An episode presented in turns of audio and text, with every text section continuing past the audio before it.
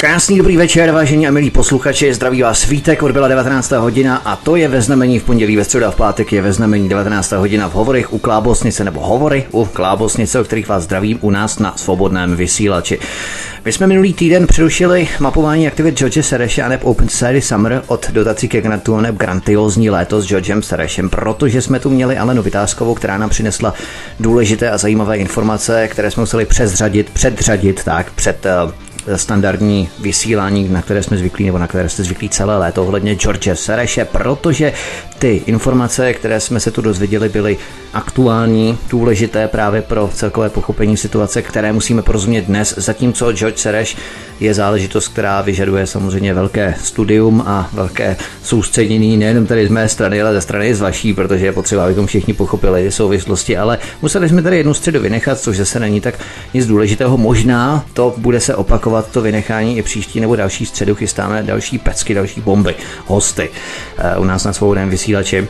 Takže Sledujte náš program na svobodný pomlčka vysílač.cz a nebo v archivu svobodného vysílače naše pořady, aby vám nic neuniklo, tak se přihlašte k našemu odběru na kanále YouTube na stránce youtube.com lomeno c lomeno svobodný vysílač archiv.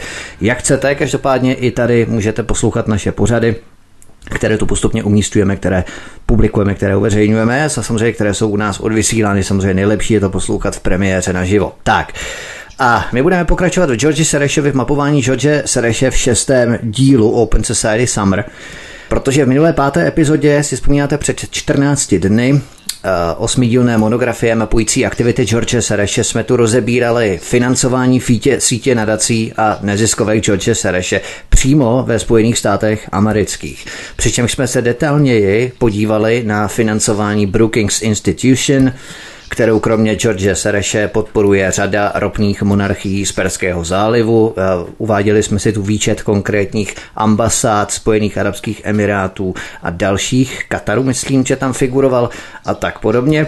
Ovšem to zdaleka není všechno. Dokonce už i samotní senátoři ve Spojených státech si stěžují, že Spojené státy ovlivňují režimy v některých státech světa. Skupina senátorů za republikánskou stranu odeslala v březnu 2017 dopis tehdejšímu ministru zahraničních věcí Rexu Tillersonovi s prozbou vyšetřit pokusy administrativy z prezidenta Baracka Obamy vměšovat se do voleb v řadě zemí Evropy, Afriky a Latinské Ameriky skrze financování politických stran. Iniciátorem tohoto dopisu se stal senátor Michael Lee, a podpořili ho Jimmy Huffer, Tom Tyles, Ted Cruz, David Perdue a Bill Cassidy. A v tomto dokumentu se hovořilo o tom, že pokusy o ovlivnění voleb z prostředků amerických daňových poplatníků se odehrávalo v Makedonii, Albánii, dále v řadě zemí Afriky a Latinské Ameriky. A teď přijde to důležité. Finanční pomoc vybraným skupinám byla odesílána po linii Ministerstva zahraničí Spojených států amerických, dále Agentury pro mezinárodní rozvoj USAID a předávala se také přes fond Open Society Foundations George Sereše. Podobné politické favorizování našich diplomatických misí po celém světě je nepřípustné a ohrožuje naše vzájemné vztahy, uvádí tato skupina amerických senátorů v tomto dopise. Ale chtěl bych se ještě věnovat Makedonii, protože v tomto dopise byla zmíněna skutečnost, že USA ovlivňují situaci v Makedonii. Kromě tedy Albánie, eh, Máme tady Kosovo samozřejmě, ale i Makedonii. A to je velmi důležitá věc a tady bych chtěl zmínit jednu zásadní skutečnost. Totiž prokázalo se, a zcela naprosto jednoznačně se prokázalo, že americké tajné služby podporovaly kosovskou osvobozeneckou armádu UČK. Důkazy. V Německu ještě za vlády Gerharda Schroedera byl odvolán ministr obrany Oskar Lafontaine. A ten Lafontaine zorganizoval v Boně tiskovou konferenci, kde předložil na stůl důkazní materiály k této podpoře Američany.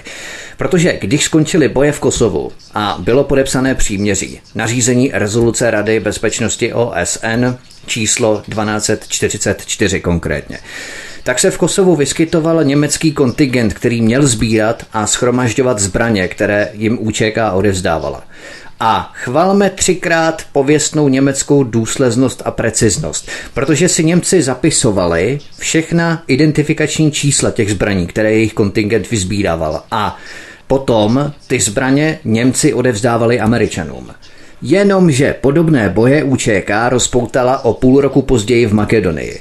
A opět Němci, německý kontingent sbíral od Albánců zbraně. A tady se ukázala velmi zajímavá věc podle bývalého ministra obrany Německé spolkové republiky Oskara Lafontína. Protože zhruba 50% zbraní které Němci vyzbírávali o půl roku později od stejných kosovských Albánců, tak přes 50% zbraní mělo stejná identifikační čísla jako ty zbraně, které Němci vyzbírali od Albánců o půl roku dříve v Kosovu. Ty zbraně, které tehdy Němci odevzdali Američanům. A ty stejné zbraně, 50% těchto zbraní se náhle našlo u Albáncích. Už ne u kosovských, ale makedonských. To je síla, že? Opravdu chtěl bych vidět tváře těch německých důstojníků, když se setkávali s tím, že ty zbraně byly úplně ty též, které oni odevzdali Američanům. Mysleli si tedy, že kosovští Albánci nebudou mít zbraně, že uklidí, jak se, že přispějí k tomu, že tam zavládne mír a při nejmenším ty zbraně, které oni měli, tak už nebudou mít. A jaké bylo asi zděšení na tvářích německých důstojníků, když si uvědomili, že těch 50% zbraní zhruba bylo těch stejných, které předtím půl roku dříve vyzbírali, vyzbírali od kosovských Albánců a náhle se vyskytly opět ve hře ty těch zbraně v rámci podpory Američanů právě kosovských Albánců. To je úplně neskutečné.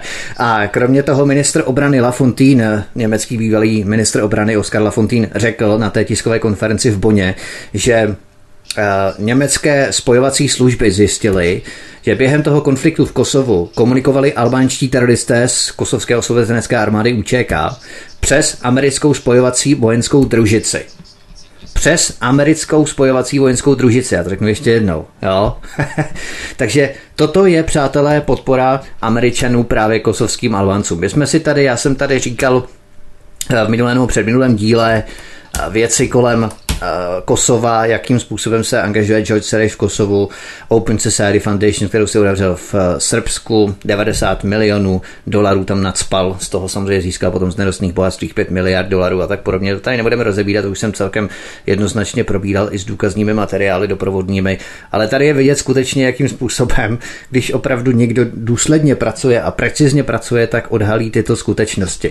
A na tohle se velmi rádo zapomíná. To jsou takové ty střípky informací, které si musíme vyhledávat, skládat si všechno dohromady. Potom zjistíme, že samotní američtí senátoři vystupují proti ovlivňování režimu některých světových zemí a otevřeně uvádí, že finanční prostředky jsou také vydělovány skrze fondy Open Society Foundations George Sereše. Tak až zase někdo bude chytat nějaký ten hysterický záchvat o nějaké konspiraci. Musíme mu tlouct o hlavu tvrdá fakta, informace, data, pokud je tedy bude chtít slyšet. Pokud i samotné americké poslance některé rusofobní skupiny považují za fake news a za hoax, bohužel není jim pomoci. Stejně tak jako průkazné ovlivňování Američanů poskytováním zbraní kosovským Albáncům a potom následně půl roku později makedonským Albáncům.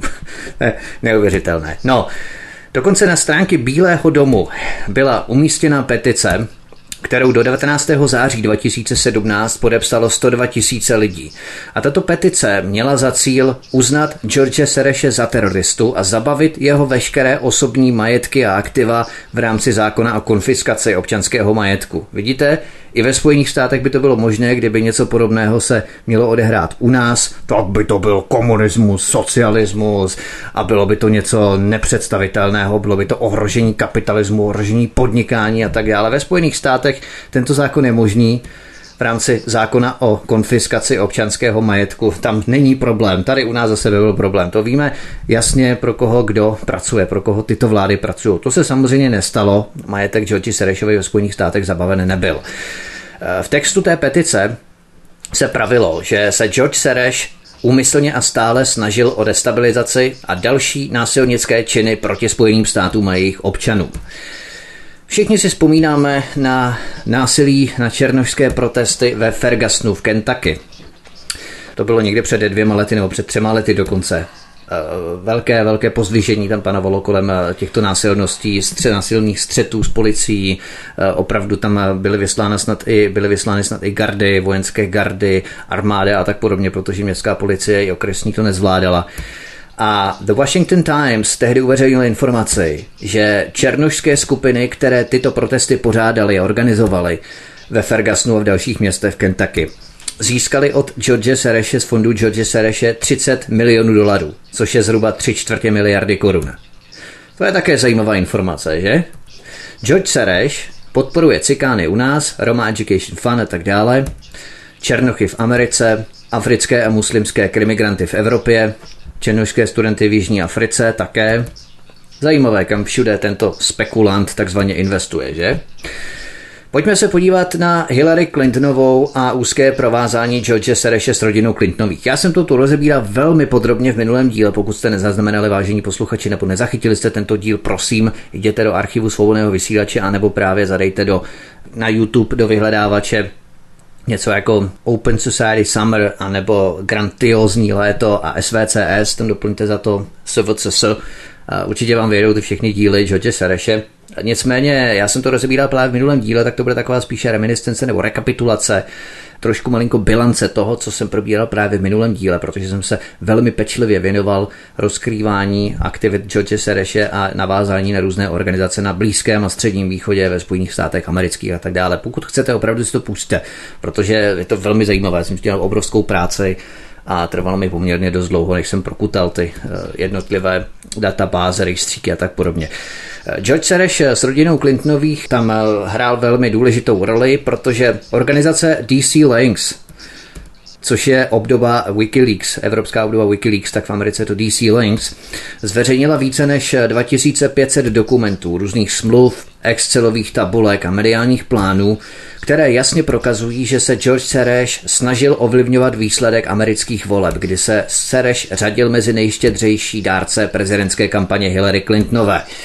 George Sereš věnoval prezidentské kampani Hillary Clintonové a některým dalším demokratům přes 25 milionů dolarů.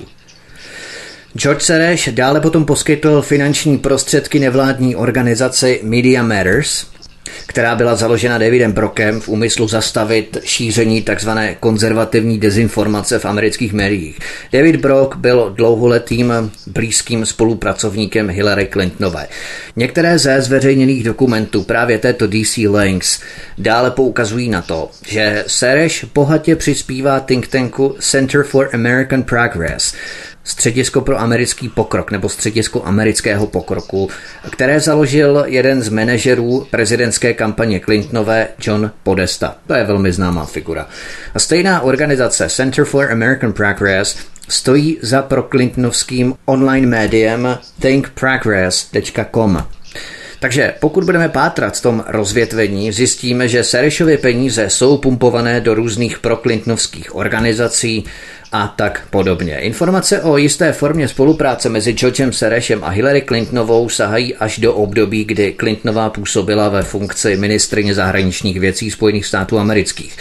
Protože jeden z mailů zveřejněný serverem Wikileaks v roce 2011 dokazuje, že Sereš doporučil Clintonové, aby zasáhla do vnitřních záležitostí Albánie. Vidíte, Albánie se také vyskytuje v tom dopise, ve kterém si američtí senátoři stěžují na ovlivňování Spojených států zemí ve světě a režimu zemí ve světě. Makedonie se tam vyskytuje, Albánie se vyskytuje. Oni velmi dobře vidí ti američtí senátoři, jaké státy Spojené státy ovlivňují, nebo jaké režimy ve světě Spojené státy ovlivňují. Makedonie stejně jako Albánie se tam vyskytuje a stejně tady, když mapujeme ty další aktivity, tak tady nacházíme právě další skutečnosti, kdy George Soros doporučil Hillary Clintonové, tehdy jako ministrně zahraničí Spojených států, aby zasáhla právě do vnitřních záležitostí Albánie, což Clintonová samozřejmě učinila. Sereš dále přímo profitoval ze smlouvy o volném obchodu s Panamou podepsaném v roce 2011, o kterou se z velké míry zasadila Hillary Clintonová. Většina ze Serešových aktivit byla součástí skandálu zveřejněného prostředím takzvané Panama Papers.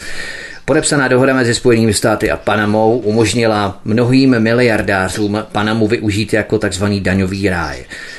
Další podezření budí společná večeře, která se podle serveru Observer měla uskutečnit mezi Serešovým synem z druhého manželství Alexandrem Serešem a volebním partnerem Hillary Clintonové senátorem Timem Kaneym.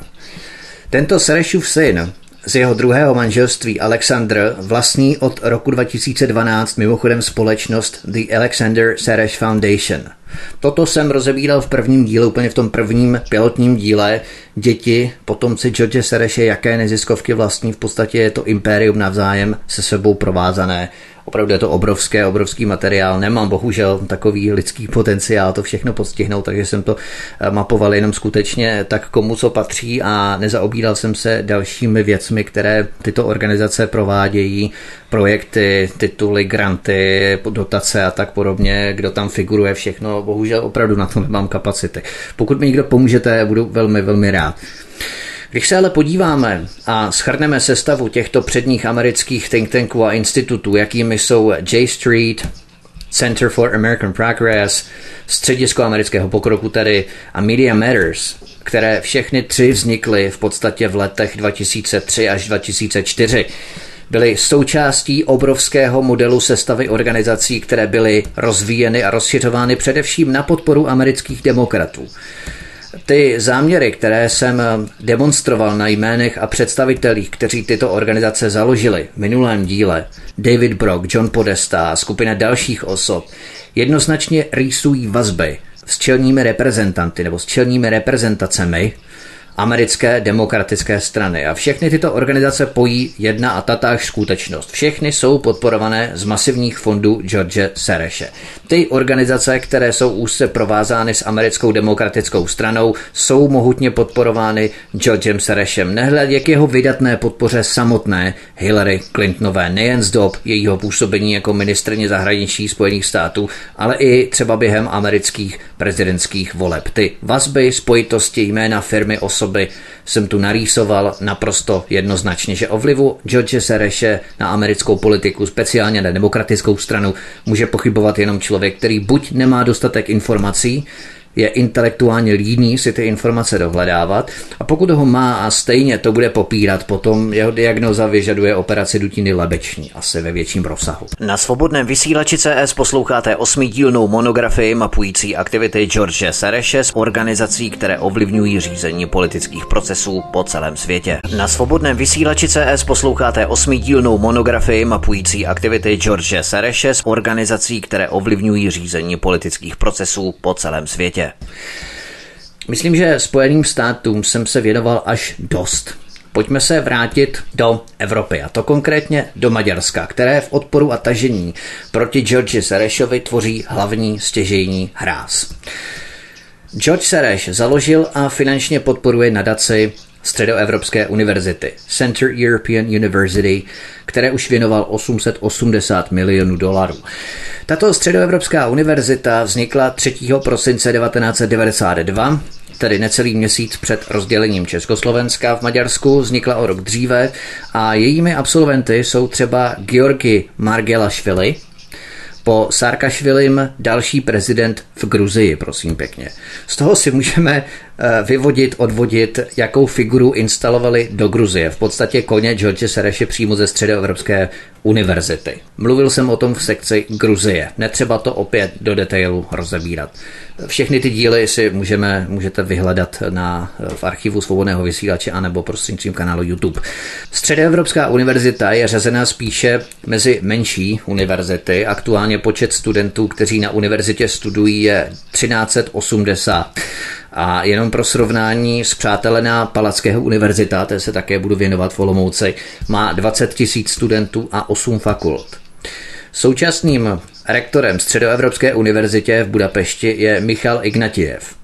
Středoevropská univerzita vychovává mnoho desítek cikánských studentů a je známá pro programy specializované přímo pro cikánské studenty. Za chvilku se k tomu dostanu konkrétně přesně fakt po faktu, důkaz po důkazu. Ale pojďme od začátku. Stejně jako u amerického vládního programu International Visitors Leadership, který jsem tu rozebíral ve dvou dílech na svobodném vysílači, bývají absolventé Středoevropské univerzity George Sereše obsazovaní do klíčových pozic a míst. E, začněme třeba maďarskou politikou, kdy si uvedeme jenom jeden příklad, který hovoří za všechny, než přejdeme k nám do České republiky. Péter Baláš, Vystudoval ekonomii na univerzitě v Budapešti. Od 90. Eh, let pracoval pro maďarskou vládu nejprve jako státní tajemník, později jako velvyslanec v Dánsku, Německu a Bruselu. Belgii a v roce 2009 až 2010 byl maďarským ministrem zahraničí. Od roku 2005 učil na Středoevropské univerzitě v Budapešti George Sereše. Vidíte, jakým způsobem akademici vychovaní v tvrdém prosazování agendy George Sereše myšlenkového etosu skrze tuto univerzitu jsou instalováni do vrcholových pozic v maďarské politické scéně. Pojďme se podívat do České republiky, kde najdeme podivuhodně velké množství absolventů Středoevropské univerzity. Začněme u těch, kteří jsou propojení se Serešovými organizacemi působícími v České republice a na akademické půdě. Místo předsedou představenstva Open Society Fund Praha byl doktor Jiří Musil, CSC, který zemřel 19. září 2012 v Praze. Jiří Musil byl profesorem na Středoevropské univerzitě od roku 1992. Současným rektorem na zpřátelené Palackého univerzitě v Olomouci je Jaroslav Miller a tento rektor Palackého univerzity v Olomouci studoval na Středoevropské univerzitě v Budapešti George Sereše mezi lety 1998 až 2003. Vzpomínáme si třeba na říjen 2016, jsem takovou malinkou, malinkou drobnou odbočku teď. Vzpomínáme si na říjen 2016 kdy eskalovala hysterická kauza kolem udělení ceny Jiřímu Bredimu, a tehdy ve středu 26. října 2016 místo avizované premiéry show Jana Krause na Primě se diváci na tomto kanálu na FTV Prima dočkali reprízy, kterou televize Prima v úvodu doprovodila stručným textovým prohlášením, že show tvůrci nedodali včas. To dramaturgině Krauzovy show Simona Matásková odmítla, ale šlo tvrdou politickou agitku v této show stoupenců pražské kavárny Havlovy soldatesky. Hosty byli například zmíněný Jiří Bredy a jeho synovec, ex-ministr kultury Daniel Herman, známý svým vstřícným postojem nejen k tibetskému Dalajlámovi, ale i k sudetoněmeckému Landsmannschaftu. To jsem tady také probíral, mapování sudetoněmecké lobby a německé lobby Stiftungů různých v České republice ve trojdílném pořadu, dokonce u nás na svobodném vysílači také Můžete si to vyhledat na YouTube nebo na archivu našeho svobodného vysílače. A Tady vystoupil v té Krauzově show, vystoupil například Jan Ruml spolu s dalšími havlisty jako Michal Kocáb, Michal Žantovský nebo Táňa Fischerová. A právě rektor Palackého univerzity v Olomouci Jaroslav Miller se na přípravě celé této akce kolem Jiřího Bredyho velmi výrazně podílel a angažoval. No bodeď by ne, když Jaroslav Miller absolvoval stáž v Kanadě, například v Torontu a byl v první polovině roku 2001 a během této stáže se několikrát setkal s Jiřím Bredym na jeho přednáškách o sestře Haně. Takže už chápeme ty souvislosti, proč se rektor Palackého univerzity v Olomouci v kauze Jiřího Bredyho tak výrazně angažoval. Zřejmě je napojen na ty správné kruhy, protože Palackého univerzita v Olomouci je štědře financovaná, byla provedena řada nádherných, náročných rekonstrukcí objektů v rámci této univerzity a prostor univerzity za obrovské balíky peněz. Je to prostě ta vybraná elitní, takzvaně elitní v úvozovkách univerzita v rámci určitého procesu internacionalizace nebo multikulturalizace sítě, páteřní sítě českých univerzit. Ovšem prvním porevolučním rektorem je Josef Jařab, který rovněž absolvoval Středoevropskou univerzitu v Budapešti George Sereše. Josef Jařab byl dokonce rektorem Středoevropské univerzity mezi lety 97 až 99 a Josef Jařáb je zároveň amerikanistou, ale dokonce působil v Senátu České republiky. Je důležité zmínit, že Josef Jařáb, první porevoluční rektor Palackého univerzity v Olomouci, podepsal mezi prvními spolu s Jiřím Drahošem a dalšími výzvu vědců proti strachu a lhostejnosti. To byla taková ta výzva, aby jsme přijímali migranty, aby jsme jich měli rádi, aby jsme z nich neměli strach, i když zařevu Allahu Akbar, nás budou podřezávat jako podsvinčata, tak úplně v pohodě. Jo, takže to byla něco taková ta výzva, jak jsme všichni xenofobní Češi a tak podobně. Tak, pokročme trošku dále. V sobotu 8. dubna 2017, minulý rok, se v Praze konala demonstrace studentů Filozofické fakulty Univerzity Karlovy.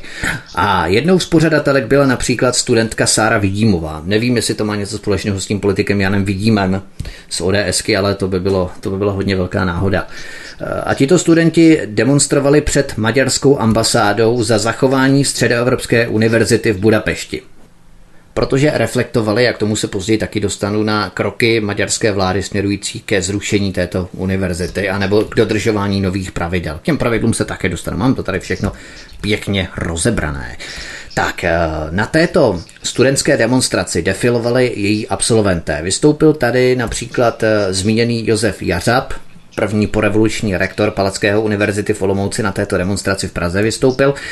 A Palackého univerzita v Olomouci dlouhodobě spolupracuje se Středoevropskou univerzitou v Budapešti. To jsme měli možnost zaznamenat v podstatě z toho, co jsem tu eh, odkrýval, odhaloval, eh, protože kromě Jaroslava Millera a Josefa Jařaba tam z Palackého univerzity v Olomouci studoval třeba děkan Filozofické fakulty Palackého univerzity Jiří Lach a další lidé. Středoevropskou univerzitu v Budapešti rovněž studoval i Ivo Šlosarčík, právník a vysokoškolský pedagog. Dále Středoevropskou univerzitu vystudoval Petr Kutílek. A kdo pak je Petr Kutílek? Místo předseda strany zelených. Inženýr Jan Mládek, CSC, je ředitelem Českého institutu aplikované ekonomie a Jan Mládek spolupracoval mezi lety 1993 až 1998 se Středoevropskou univerzitou. Nejde o, prosím pěkně, Jana Mládka, eh, bývalého ministra průmyslu a obchodu za ČSSD, to je jiný Jan Mládek, ano. Dále tady, když mapuju ty lidi, kteří studovali Středoevropskou univerzitu, tak eh, jsou to přesně ti lidé z neziskovek, protože dále Středoevropskou univerzitu vystudovala aktivistka Lubica Kobová, která studovala na katedře genderových studií na humanitních fakultě Univerzity Karlovy v Praze a nyní působí v genderové expertní komoře České republiky. Dále Marek Antoš v Štíhlách, Krč Praha 4, je členem správní rady Open Society Fund Praha. Marek Antoš také vede vydavatelskou společnost Internet Info a tato Internet Info vydává servery jako Lupa.cz, Měšec.cz nebo Slunečnice.cz. No a kromě jiného Marek Antoš vystudoval srovnávací ústavní právo na Středoevropské univerzitě v Budapešti. Druhým společníkem v této firmě Internet Info SRO je Jan Sinkanič, publicista a novinář, který píše pro časopis Respekt vlastněný společností Ekonomia Zdeňka Bakaly. Dále Radka Podílová působí jako projektová koordinátorka v Open Society Fund Praha, ale zároveň vystudovala veřejnou zprávu se zaměřením na globální média a komunikaci na Středoevropské univerzitě v Budapešti Čoče Sereše.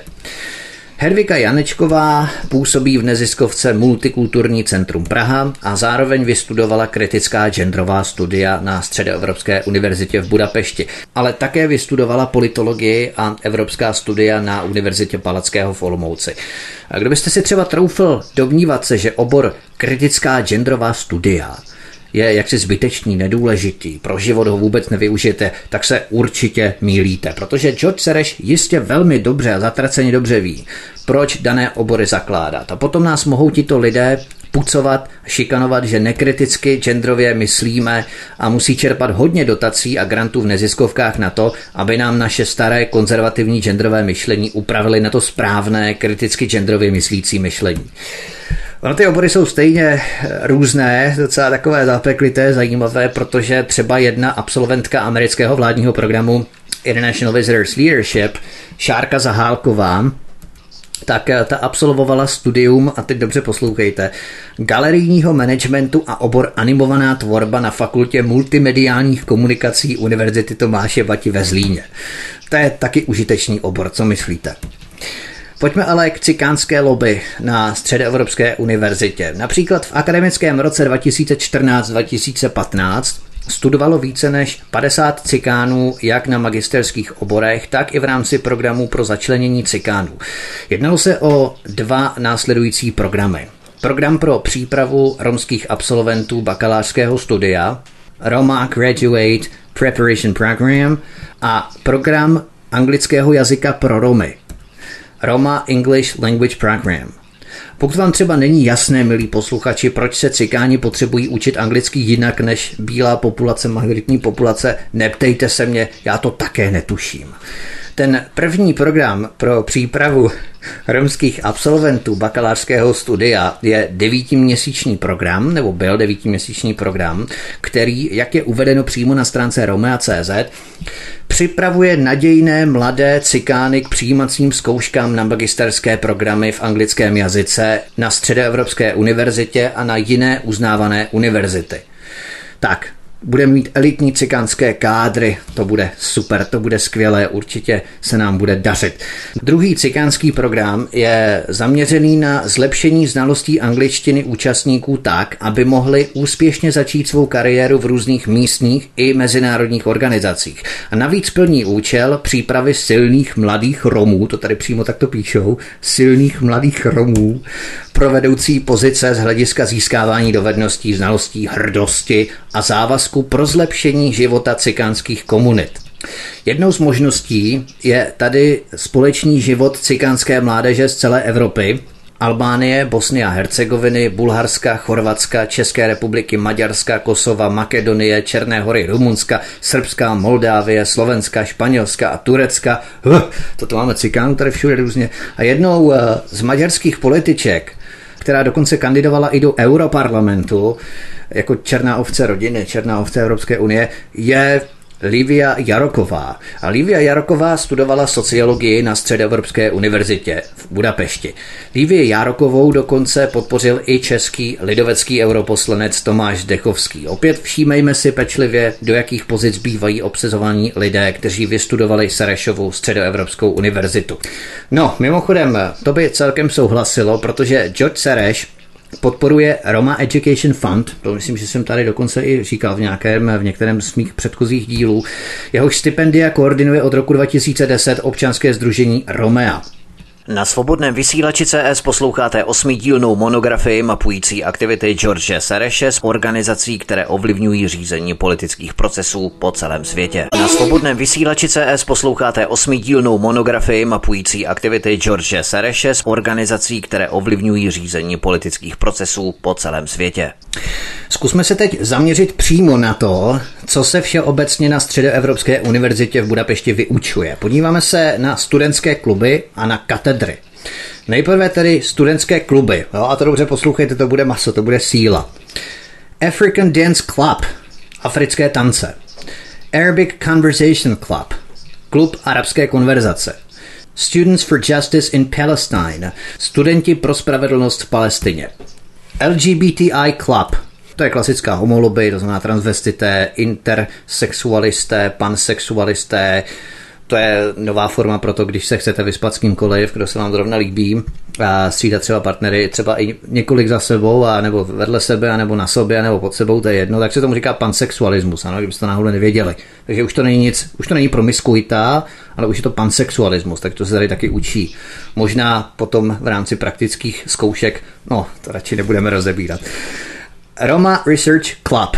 Výzkum cikánů, nebo nevím, jestli cikáni něco zkoumají, nebo jestli se zkoumají oni, jak si geneticky, nebo nějak chování, mentalitou, to nevím, nebo jestli zkoumají třeba cikány v dubí, a po případě v krupce, nevím, to, to nebudeme radši spekulovat. The Care Committee, výbor pro pouliční nebo mezinárodní aktivismus. Care for the Homeless, péče o bezdomovce, ideologizace bezdomovectví. A je klasika, keci o tom, jak bezdomovci žijí svobodně, jak jsou nezávislí na systému, volní jako ptáci, přičemž si sami nejsou schopni vypěstovat ani bramburu nebo kurku, ale od systému berou samozřejmě všemi deseti. Christian Fellowship, křesťanství. To si přeložte v Serešovštině, nejde o křesťanství, ale jde o lobby Vatikánu, čili papeže nebo imáma Františka z Vatikánu a tak podobně. Dále Sustainable CEU, důraz na udržitelnost z hlediska klimatické ideologie, takže ekoteroristi, klasika. No a potom tu máme další studentské kluby, jako například Board Games Club, deskové hry. Tady můžete hrát deskové hry a zapojit se do klubu, jednoho ze studentských klubů. Potom tu máme Core, pěvecký sbor, Nevím, jestli to genderově vyvážené, jestli tady zpívají smíšené sbory, anebo jestli tady zpívají třeba jenom holky, soprány, alty, anebo chlapci, po případě transvestité právě z toho jiného klubu, třeba pansexualisté, jestli tady zpívají třeba intersexualisté, nevím, eh, jakým způsobem je to genderově vyvážené, tento core. Potom třeba Drawing Club, to je kreslení, takže můžete kreslit. Oni vám teda říkají, jak máte správně kreslit, zase aby to bylo asi genderově vyvážené. To znamená, žádné symboly, symboliku, třeba táta, máma, ne, to už to musíte nakreslit nějakého bezpohlavního rodiče asi. Eh, football club, to je fotbal, eh, Potom running club, běhání, můžete zaběhat a můžete to jako mít vznešené v rámci tohoto klubu, je běhání.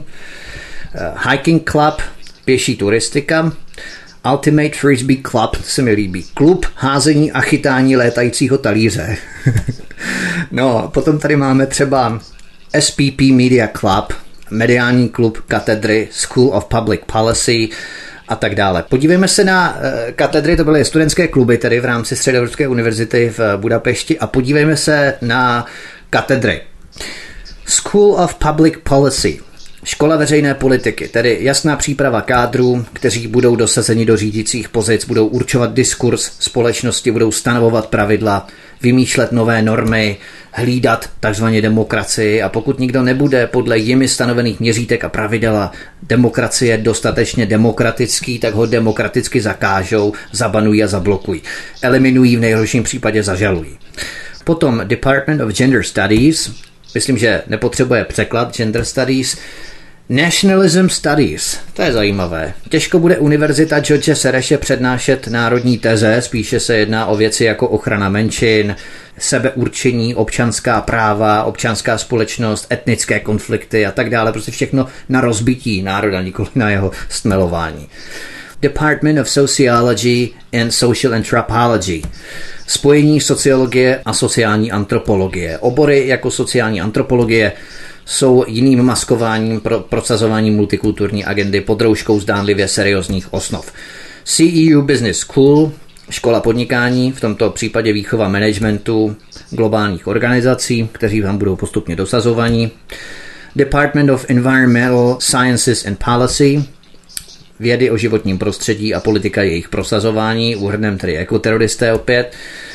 Department of History, dějiny střední i východní Evropy a východního středomoří od 16. století. Samozřejmě se s největší pravděpodobností jedná o globální perspektivu, takzvanou inovativní rámec a ideologii. Dále Department of International Relations, oddělení mezinárodních vztahů, jistě velký důraz a velebení Evropské unie. Department of Legal Studies, Oddělení pro práva. Chlubí se výukou hodnou pro vůdce neziskovek a akcentaci na lidská práva. Department of Political Studies, politologické vědy, tedy nekonečné plácání jater a žvanění o lidských právech a jednoduše europeizace společnosti. Doctoral School of Political Science, Public Policy and International Relations. Něco podobného jako výše. A já se ptám, co dobrého pro naší společnost a planetu přinesou absolventi těchto kateder? Jakými významnými objevy posunou lidstvo ku předu? Odkud vzejde příští Hejrovský nebo Vichtrle? Z Centra prevence rizikové komunikace? Nebo z environmentální právní kliniky?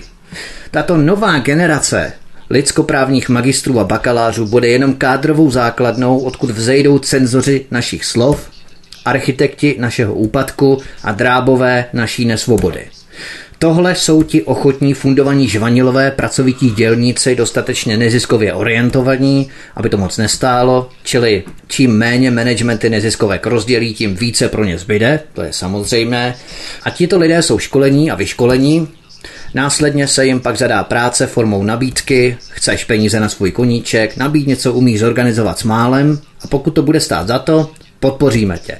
Nauč se kooperaci s ostatními, nauč se kartelovému myšlení, staň se závislým na těchto prostředcích, slaď své osobní zájmy se zájmy celé skupiny, uč se být pokorný, piš každý rok žádosti o granty, vykazuj přesně na co z peníze použil a dostaneš je.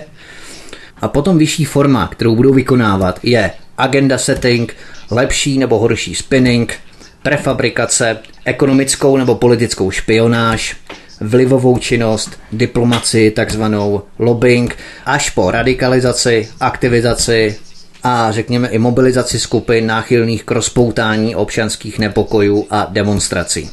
To jsou různé fáze nástrojů a arzenálů, řekněme, technické, eh, propracované architektonické postupy, kterými politické neziskovky vybrušují své techniky. Tohle je ta novodobá připravovaná elita, která se už od svých studií připravuje na práci v neziskovém sektoru. Oni nechtějí nic vyrábět, oni nechtějí nic vymýšlet, ani snad nikoho léčit. Jejich jediným cílem je propagovat utopické myšlenky multikulturalismu, feminismu, politické korektnosti, genderismu, neoliberalismu, globalismu, ekoterorismu a dalších témat. A to ať už si to společnost přeje nebo nepřeje. Oni přece jsou ta elita a naším úkolem by podle nich mělo být držet hubu a platit. Pokud bychom se náhodou začali zajímat o to, kam putují naše peníze, na co jsou používány, na jaké projekty se hradí, tak tato elita plná pravdy a lásky, začne hystericky zběsile nenávistně ržát, řvát a řičet, jak stát potlačuje svobody občanské společnosti nebo další podobné žvásty. Jenom prostě držet hubu a platit. To je svoboda a demokracie, kterou nám tato elita nastoluje a diktuje. Základním problémem sociálního inženýrství, když se nad tím zamyslíme trošku, to mám takovou malou odbočku, spočívá v přebujelé píše, těchto skupin, že si tato skupina osobuje právo řešit něco, co vidí jako problém, přičemž se oni sami nepokoušejí zamýšlet nad tím, jestli to ti, kterých se to týká, vůbec chtějí a jestli to potřebují. Oni v podstatě nemají flagrantní úctu ke druhým, jak rádoby vznešeně hlásají, protože oni sami sebe pasují do role lékařů, kteří světu chtějí ordinovat jejich vlastní medicínu, přičemž se nikoho neptají, jestli je ten svět nemocný ale ve své přebujelé píše chtějí násilně z pozice síly a moci vnucovat ostatním vlastní vizi uspořádání světa. Takže Tady vidíme, že je velmi snadné se stát levicovým neomarxistou. Stačí prostě mít ten sladce mocný pocit, že náležím nebo přísluším k vyvolené kastě, která bude ostatním vnucovat multikulturalismus, poučovat je genderismem, homosexualismem a tak dále. To je velmi snadné. Tady opravdu vidíme, jak Středoevropská univerzita skutečně nabízí arzenál nástrojů zcela nepostradatelný pro nové kádry neziskového sektoru a jimi obsazovaných klíčových pozic na funkcích, které lidé z této Serešovy organizace nebo univerzity, pardon, obsazují. Máme tu politiky, senátory, rektory, univerzitní akademickou půdu, manažery, ale i řadové aktivisty z neziskovek nebo novou takzvanou cikánskou elitu, nové silné Romy, nebo jak to tam bylo přesně napsané, globalizace, nadnárodní korporace, páchání dobra a angažovanost v lidských právech, takzvané protinenávistné projevy, hate speech a hate crimes případně, čili jasná aspirace vedoucí k cenzuře a potlačování tvrdé kritiky těchto směrů, trénink, jak otagovat, respektive nálepkovat, ostrakizovat nebo eliminovat nepohodlné názorové proudy a platformy a tak podobně. Abychom vůbec pochopili, proč se chce Viktor Orbán zbavit sítě neziskovek pracujících na území Maďarska? Podívejme se na několik projektů o tom, jak neziskový sektor ovlivňoval evropské volby v roce 2014. Například projekt Seznam Hamby, hlas demokratického lidu. Popis projektu, Hlavním cílem projektu nadace Prospect Foundation ve spolupráci se Standard Media Monitor je monitorovat xenofobii v kampani vedené v rámci voleb do Maďarského národního evropského parlamentu v roce 2014, vést přehled o xenofobních slovních projevech, které použili politici, strany, média a novináři, zveřejňovat jejich jména a zostuzovat je – tento projekt má za cíl zajistit, aby se na veřejnosti vyskytoval protipolný názor k nenávistným slovním projevům tzv. hate speech, aby došlo ke stigmatizaci těch, kteří zastávají vylučující a nenávistné postoje a k jejich vytlačení na okraj společnosti. To je neuvěřitelné. Přesně takto oni pracují. Tato skvadra skupin tzv. novodobých kádrů. Špiclovat, potírat, svobodu projevu, pluralitu názorů skupin, které nesouhlasí s jejich agendou, s jejich vizí uspořádání světa, myšlenkovým étosem. A kvůli těmto názorům zveřejňovat seznamy těch lidí, kteří jsou nositeli těchto opačných výroků a názorů. Neuvěřitelné. Další projekt organizace Europeum, Institut pro evropskou politiku, na Europeum mimochodem jsou napojené evropské hodnoty Jakuba Jandy a Radka Hokovského, to je na jinou diskuzi. Částka vynaložená na tento projekt byla 44 664 dolarů Název projektu Zveřejnění jmen a zostuzování populismu ve volební kampani do Europarlamentu 2014. A popis projektu. Projekt, který je organizován Vyšegrad Review EU, Evropská unie, V4 Review a jejich zákonným zástupcem Europeum má za cíl odkrývat zavádějící a nepravdivá prohlášení politiků a odradit je od zneužívání faktů v politických debatách. zneužívání faktů v politických debatách. To znamená, když i máte pravdu a máte nějaký fakt, ale ten se nehodí do určitého myšlenkového étosu a do určitého schématu, který nezapadá do ladění tonality, řekněme, nebo multikulturního étosu, který má touto debatou vzniknout a být navozen, i tak děláte chybu. I když máte pravdu, i když zneužíváte fakta v politických diskuzích, jak je tady napsáno. To je neuvěřitelné. A tento osmiměsíční projekt se točí kolem čtyř hlavní činností. To je taky docela síla. Za A. Umožnit založení maďarského portálu na kontrolu faktů Demagog HU, založeného na příkladech dvou klíčových partnerů při zavedení tohoto projektu. Mimochodem, pokud neziskovka Europeum iniciovala vznik i Demagog.cz v České republice, tak je úplně jasné, na koho mají políčeno tito zdotovaní špiclové a cenzoři. Za B. Monitorování volebních projevů před a během voleb do Europarlamentu 2014. Za C. Organizování série článků v internetovém časopise. Za D. Organizování čtyř veřejných debat v menších městech Šopron, Peč, Žilina a Brno k oslovení znevýhodněných skupin mladých lidí. To znamená, že i v Brně se konala diskuze, která byla sponzorovaná v rámci projektu George Sereše prostřednictvím jeho fondu v Maďarsku. Takže toto jsou jenom dva projekty, kterými se neziskový sektor v Maďarsku snažil ovlivňovat volby v roce 2014, eurovolby. Není proto divu, že jak Viktor Orbán, tak i Sebastian Kurz v Rakousku, k němu se za chvilku dostanu, vypráskal George Sereše z Maďarska, až se mu z bankovního konta prášilo. Vidíme, jaké aktivity, jaké projekty, jaké programy nálepkování, potírání, zostouzení opačných názorů, stigmatizace George Sereš v Maďarsku podporoval. V říjnu 2015 během evropské migrační krize maďarský premiér Viktor Orbán obvinil George Sereše, že patří k aktivistům, kteří se svou podporou masové migrace z Blízkého východu snaží podrývat evropské národní státy. A jsou nějaké známky, důkazy, že Sereš vrhá obrovské finanční prostředky do uprchlické krize. Viděli jsme brožury, které uprchlíci dostávali hned po vstupu na evropské území. Tyto brožury financují Serešovy fondy uvádí Viktor Orbán ve svém projevu. Maďarsko využije všechny dostupné možnosti k tomu, aby ze země vykázalo neziskové organizace napojené na miliardáře George Sereše. Tyto organizace totiž podle vládní strany premiéra Viktora Orbána slouží globálnímu kapitálu a zneužívají politickou korektnost v boji proti národním vládám. S odvoláním na místo předsedu Orbánovy strany Fidesz, Šilarda Nemeta, o tom informovala agentura Bloomberg. Maďarští poslanci se v lednu 2017 začali zabývat zákonem, který by úřadům umožnil provést audit vedoucích představitelů neziskových organizací napojených na George Sereše v Maďarsku. Bavíme se tu o té proslulé středoevropské univerzitě George Sereše stále, ale když se podíváme na tu kritickou pasáž ohledně nového zákona nebo novely zákona o vysokých školách v Maďarsku z pera strany Viktora Orbána, strany Fidesz, tak ta kritická pasáž zní, a teď dobře poslouchejte, Vysoké školy nebo univerzity, jejímž zakladatelem je instituce nesídlící v Evropské unii, v případě Středoevropské univerzity je to stát New York, musí být také vysokou školou nebo univerzitou akreditovanou ve státě, kde sídlí zakladatel.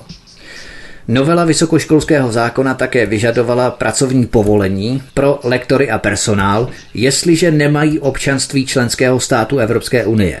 No a jako poslední pasáž této novely zákona o vysokých školách v Maďarsku, návrh této změny zákona nedovoluje maďarskému právnímu subjektu zahraniční univerzity vydávat neevropské diplomy.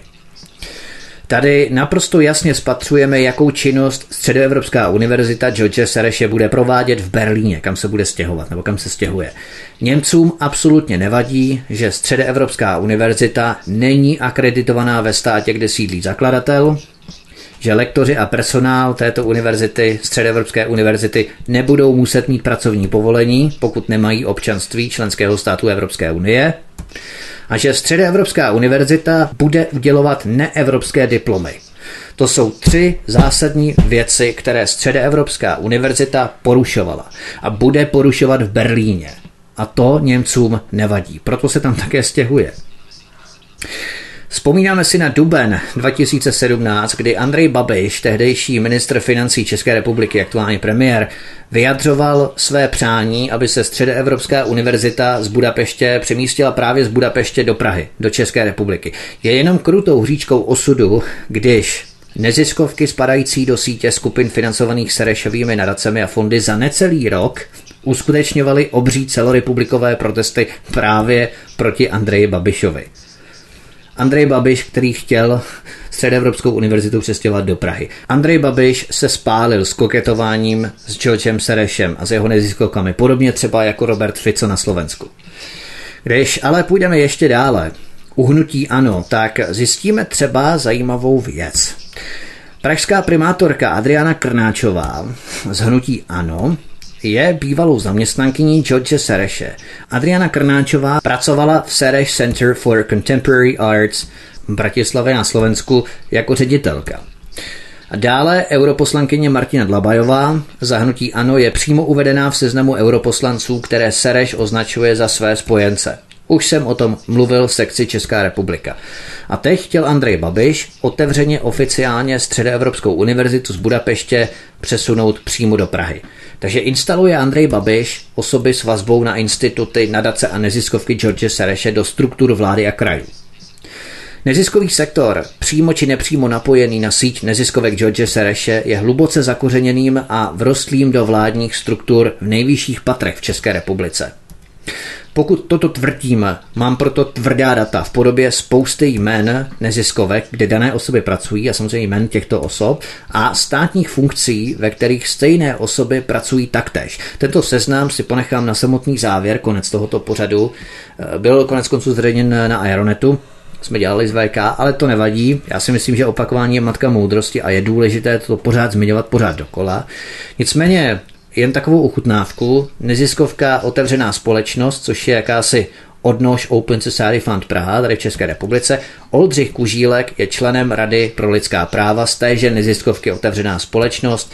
Tomáš Pavlas je členem Rady vlády pro rovnost žen a mužů, ředitelem neziskovky Open Society Fund Praha. Robert Baš je členem Rady vlády pro nestátní neziskové organizace a z téže neziskovky Open Society Fund Praha Olga Žáková například je členkou Rady vlády pro rovnost žen a mužů a tak to bychom mohli pokračovat dál a dál. Nicméně počkejme si nakonec, přinesu opravdu seznam, exkluzivně seznam jmen osob státními funkcemi, které zastávají a vše spárované s neziskovkami, pro které tito lidé pracují. Ale vraťme se ke Středoevropské univerzitě. Tato středoevropská univerzita připravuje řídící kádry buď pro inscenaci a režírování tzv. barevných revolucí, architekturu a tak podobně jsem tu také probídal v rámci Velké Británie a dále, propojení těchto uh, organizací, kterých je George Sereš architektem, nebo pro neziskový sektor s cílem kormidlovat a ovlivňovat působit na veřejné mínění určitým směrem prostřednictvím exponovaných osob nebo osobností. V podstatě absolventi této univerzity končí v diplomaci v rámci vlád Evropské unie nebo v bankách, korporacích nebo v evropských médiích, institucích a tak podobně. Tady můžeme vidět opravdu, jakým způsobem si globalisté v podobě univerzit, ať jde o Hamburg, ať jde o Londýn, ať jde o právě Středoevropskou univerzitu, Vychovávají vlastní řídící kádry, kteří bývají dosazováni do klíčových pozic v důležitých vlivových organizacích nebo neziskových nadacích, ať už korporace, ať už banky, anebo vládní struktury, anebo třeba média. A jak těžké je rozklíčovat, rozšifrovat tyto sociálně-ekonomické a historické vazby, různé souvislosti. Člověk si musí skutečně dávat velký, obrovský pozor při sestavování faktů, protože i tak se pohybujeme na hraně konspirací, proto musíme dávat velký pozor, abychom nesklouzli už za tu samotnou čáru, za samotnou linii konspirace, ale abychom měli vše doložené tvrdě jmény. Navíc aktuálně Patrik Gaspard, prezident Serešovy Open Society Foundations prohlásil v listu Die Presse, v rakouském listu, že neziskovka a univerzita opouští Budapešť a stěhuje se do jí příznivějšího prostředí do německého Berlína. Mimochodem, rakouský prezident který byl horko těžko zvolen po druhé ve volbách, kdy první volby byly prohlášeny za neplatné, tak aktuální rakouský prezident Alexander van der Bellen vyjádřil pro Profil Magazine podporu George Serešovi, imigraci a vyzval k blížší spolupráci s Francií. Nicméně 21. října 2017 přišla z Rakouska ledová sprcha ve směru k Serešově Open Society Foundations. Nový rakouský lidovecký premiér Sebastian Kurz dal Georgi Serešovi 28 dní a pokud do té doby neuzavře své zastoupení v Rakousku, bude čelit soudním žalobám.